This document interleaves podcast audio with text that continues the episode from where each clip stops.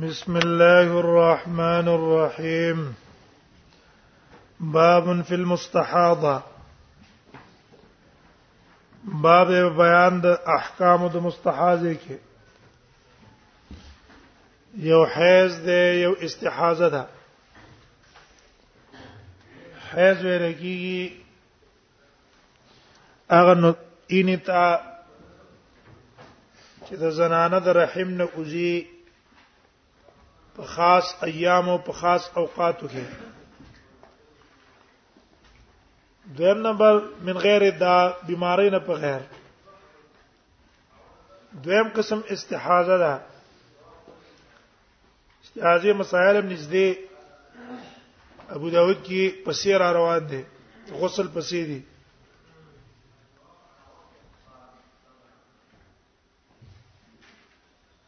نو الته به وایو چې دا غینه دا چې د زنانه رګ نه وځي یخرجو دا ازید سنا من عرق فی ادنى الرحم رحم ادنا خلیق کې نږدې رګ ده وشلیږي دا غي د وجه د انوزي دته استحاضه وای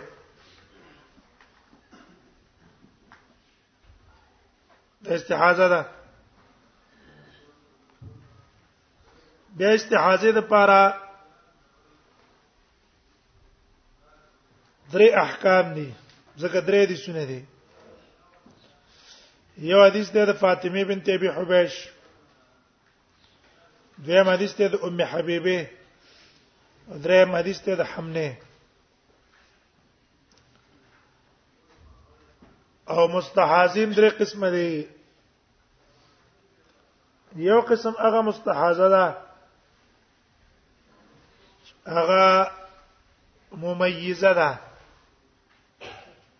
تمیز کولای شي په الوانو کې چې دا اینه د حیض ده یا دا اینه د استحاضه ده دې ته ممیزه وایي نو که تمیز کولای شو او معتادم نه و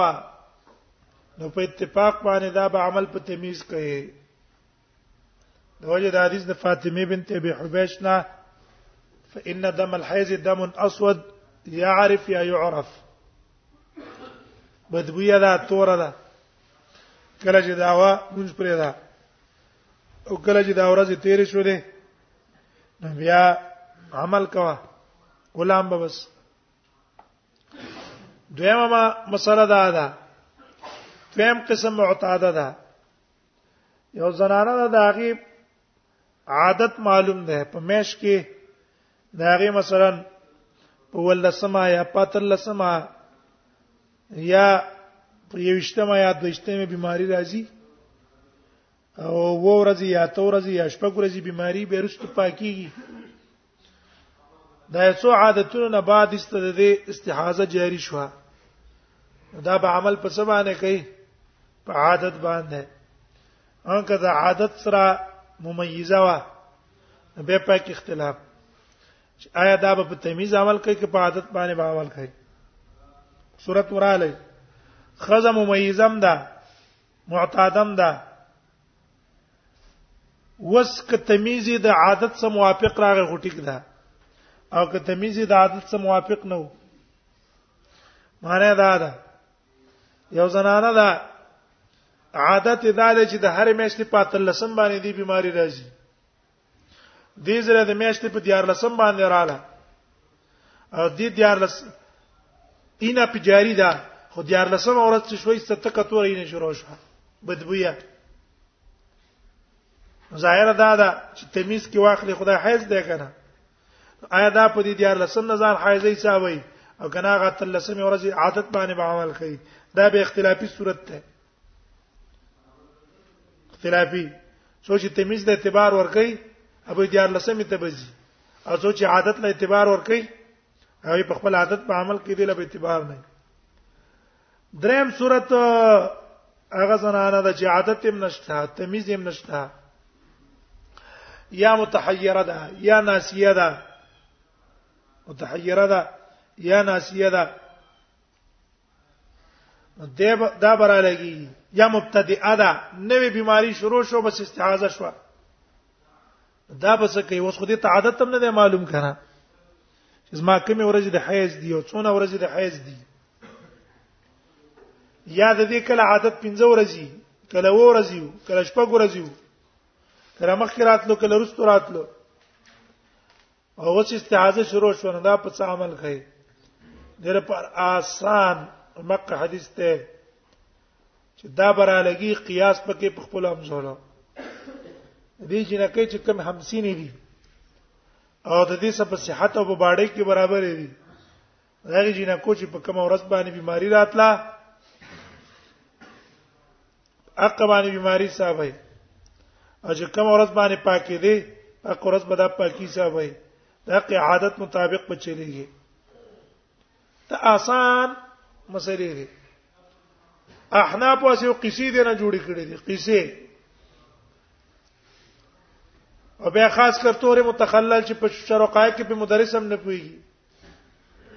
او اریان چې طالب په څنګه کوي کما طالب په کول هم پورا قصه یې الته او دی لیکي چې دا دوره سخت مسلې د امام دارمی 1500 صفحو کې کتاب لیکل او امام محمد په 1500 صفحه کې کتاب لیکل او پلان کې په کتاب لیکل موږ دونه ضرورت نشته ده مما تمجه الشريعه زمون شریعت اسانتیا ده چې یو مسله باندې مليان نه پويږي او کیسه ته جوړه کړي نو عوام خزي و پیپیشي شریعت کې دونه سختی نه شریعت پاک صفا دین دی اړ ته په پويږي دونه سختي نه پکې نه یو حکم سخت اوستا زینو ته نه رسی عمل به په څوکه عمل به په څوکه دی وجه اسانه طریقه ده او ابن تیمیه رحم الله دا قانون ویره دی بس درې دي سونه دي ټول استحاضه کې څو دي سونه دي درې او دا درې واړه محمول دي پچا جدا جدا ها بیرستو مساله شته چې تجمع بین صلاتین بغسل واحد فلان هغه کې بیا راجح وسلام د قدا چې یو ځل په غسل فرض ده دا جمع بین الصلاتین یا اقتصی لكل صلاتین دا محمول په چا ده په استحباب استحباب او اقتصی لكل صلاتین دا د نبی صلی الله علیه وسلم ثابت ده دا راجح دیوژن امام ابو داود تفصیلی پاس په استعاذہ کې امام ابو داود کړه د هر یو د پاره مستقل مستقل باب قائم کړی ډیر وګت با څخه کړی نو څه تو ګورئ باب فی المستحاضه بعد بیان د احکام د مستحاضه کې وبي قال سنا قال سنا وكي وعبدته وابو معاويه عن هشام ابن عروه انا بیا عائشه قال جاءت فاطمه بنت فاطمه ابن ابي حبيش رااله فاطمه ابن ابي حبيش نبی صلی الله علیه وسلم ته فقالت يا رسول الله وی ولد الله پیغمبره اني امراه استحاز زه یو خزه ما استحاز په ما باندې حیض راځي فلا اطهر زنه پاکېږم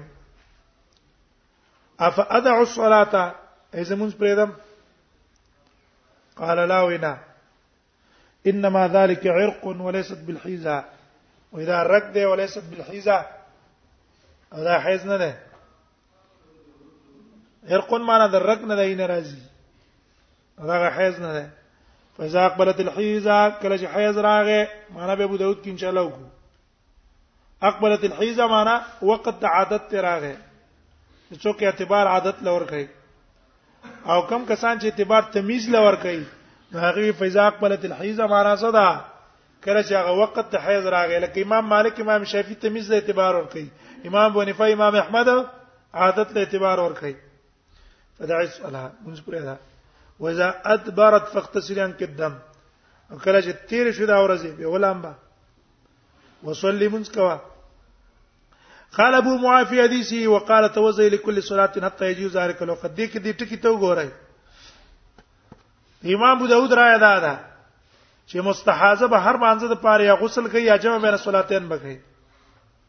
پښوا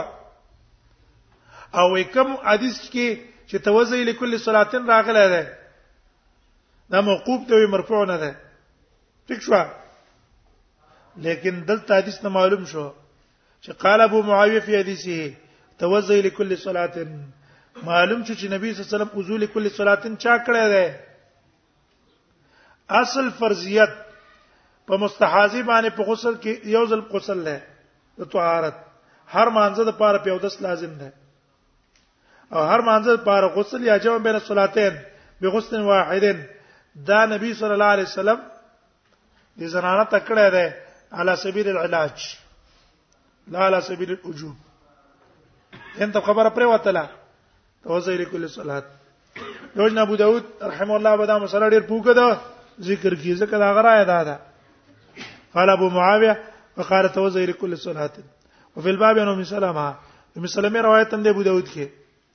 هل ابو سعيد حديث عائشه حديث حسن صحيح وهو قول غير واحد من العلم وهذا دير علماء قول ده من اصحاب النبي صلى الله عليه وسلم والتابعين وبه يقول سفيان الثوري ومالك بن المبارك والشافعي ان المستحاضه اذا جازت اذا جاوزت ايام قرايها اختصلت وتوزعت لكل صلاه لام ببا او بیا به هر مانزه د پاره او د سکي او توزات لكل صلات باو ما جان المستحاضه تتوضا لكل صلاه دا مس دا خبره ثابته کنا چې مستحاضه باندې یو ځل غسل فرض ده او کوم روایت کې چې اختصی لكل صلاه ده یا هغه محمول په استحباب ده یا منسوخ شوی ده مطابق د قول د چا د تحاوی صاحب هغه دا منسوخ ده د وجه د حدیث د فاطمه بنت ابي حبیش نه د فاطمه بنت ابي حبیش ته نبی سم په څامر وکړو ته وزیل کله صلات نه امر کو او حمنه ته امر په غسل باندې کړه غمخ کړه انا بالاقزان حدثنا قتيبة وقال سن شريك انا بالاقزان انا ابن ثابت النبي عن جد يعني النبي صلى الله عليه وسلم انه قال في المستعاذه نبی سميري په بارد مستعاذه کې تدع الصلاه ايام قرايا پریدي به منځ ايام قرايا پورز د حیض کې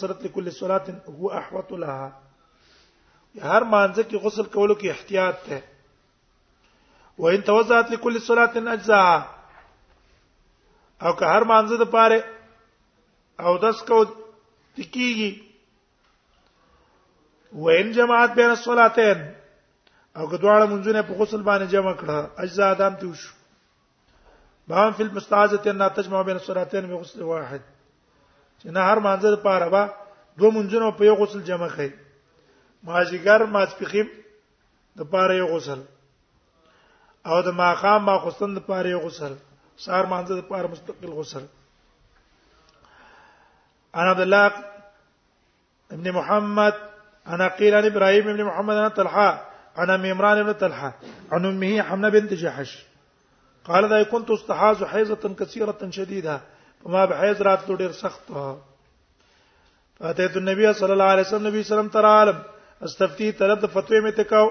اخبره او خبر به مولا ورکاو اذا لا نبی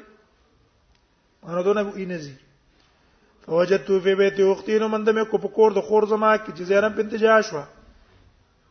اې د جحش درې لوريانه وي درې مانو باندې استحاضه وا قلت يا رسول الله ما ترى د الله پیغمبره اني استحاز په ما باندې حیض راځي ډیر حیض اني استحاز په ما باندې حیض راځي ډیر حیض شدیده تندر سخت فما تأمرني فيها تما تسحكم كيف كه فقد منعت الصيام والصلاه زګه زې من کړم د روزو د مانځنه خپل اجتهاد باندې دا پرخي و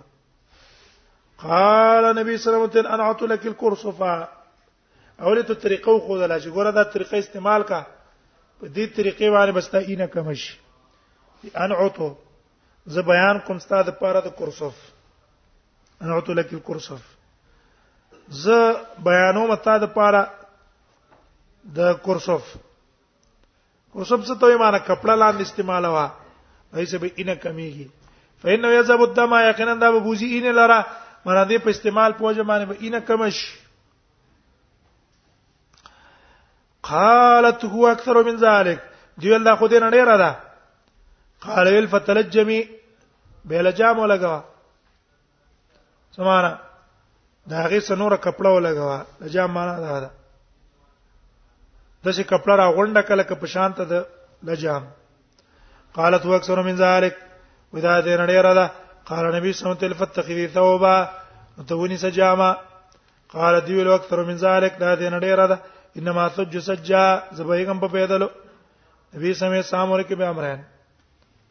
زرد زبتا ته حکم کو په دوه کارونو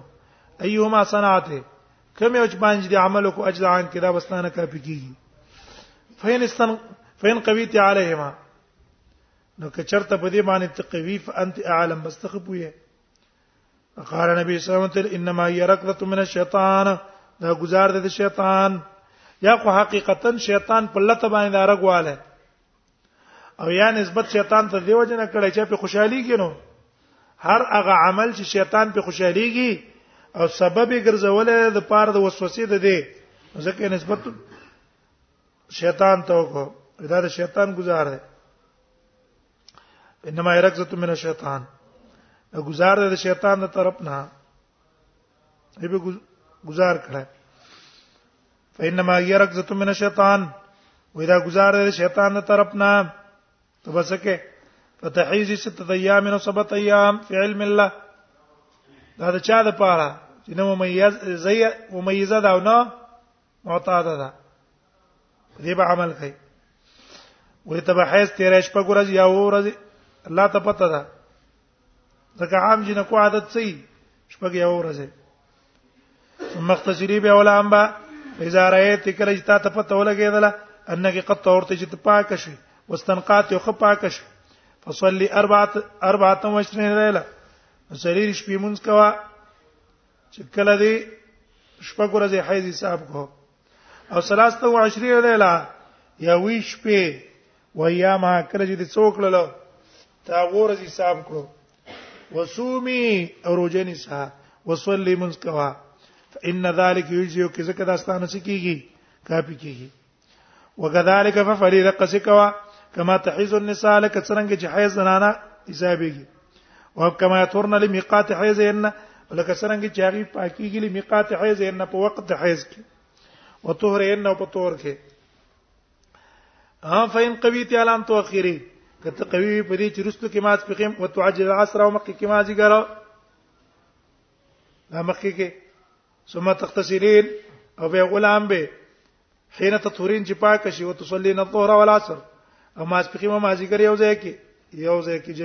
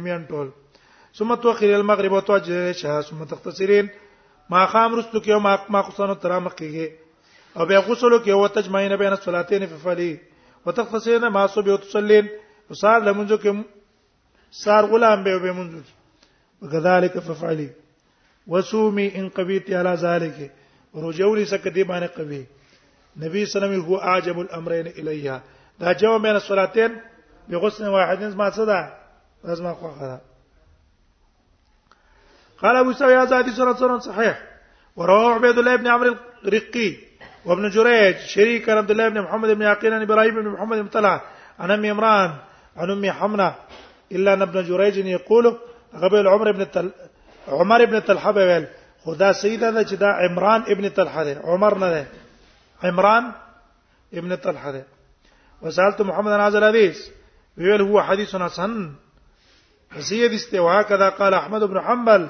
هغه مو چې وادي سنه سنه صحیح وقال احمد اسحاق في المستحاضه ان كانت تعرف حيزها کوم ممیزه وا په جندل حیز په اقبال الدم او په ادبار ولکه ادبار څه ته اقبال څه ته وي اقبال کم شه ده او ادبار کم شه ده وی ویلا اقبال الدم وې اقبال الدم دا ده ان يكون اسود تک تورا بدبويه وا ادبار دا ده ان يتغير الى الصفرا چې تغییر چا طرف ته زړواله ته فالحكم في على حديث فاطمه عمل به بچا باندې کی په حدیث د فاطمه بنت ابي حبيش پکې او کوم استحاضه لها ايام معروفه عادت ورځې وي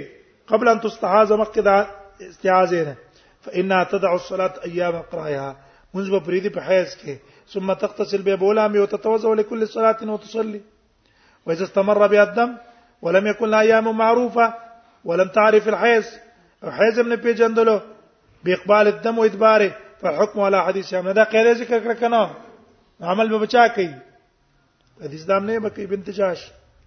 امام احمد دا قاعده دا آسان مذهب په دې کې چا ده آسان مذهب د امام احمد ته ذکر او تن به پويږي امام شافعي وايي المستحاضه اذا استمر بها الدم ان بجاري شو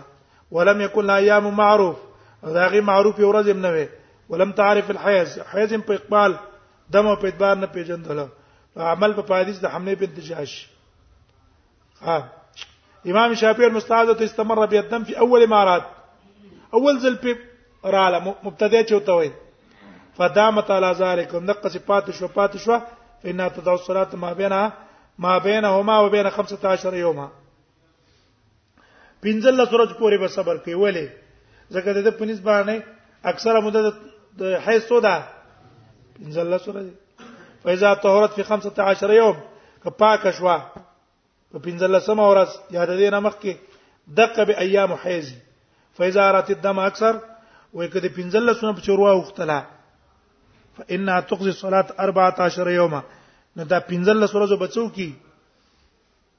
اې دا کم 15 ورځو کې چې مونږ پرې خایو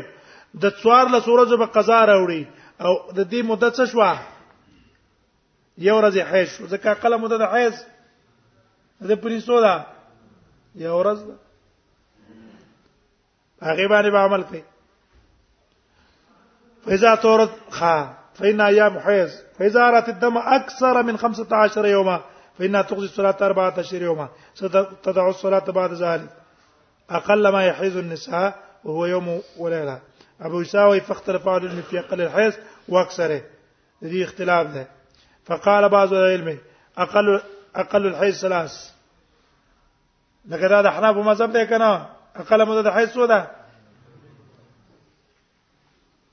واكثر عشره ودا حناف مذهب قول سفيان الثوري ول الكوفه وبياخذ ابن المبارك ورويانه خلاف هذا هم بل قولم ته نقل شوه بعض علماء ول کاتب ابن ابي رباح اقل الحيز يوم وليله ده اکثر 15 ده دا خود دا زوید مالک شافعی احمد ساق ابن ابي عبيد لیکن د حدیث علما مذهب دار چې اقل او اکثر مدد حیض عین پکې نشته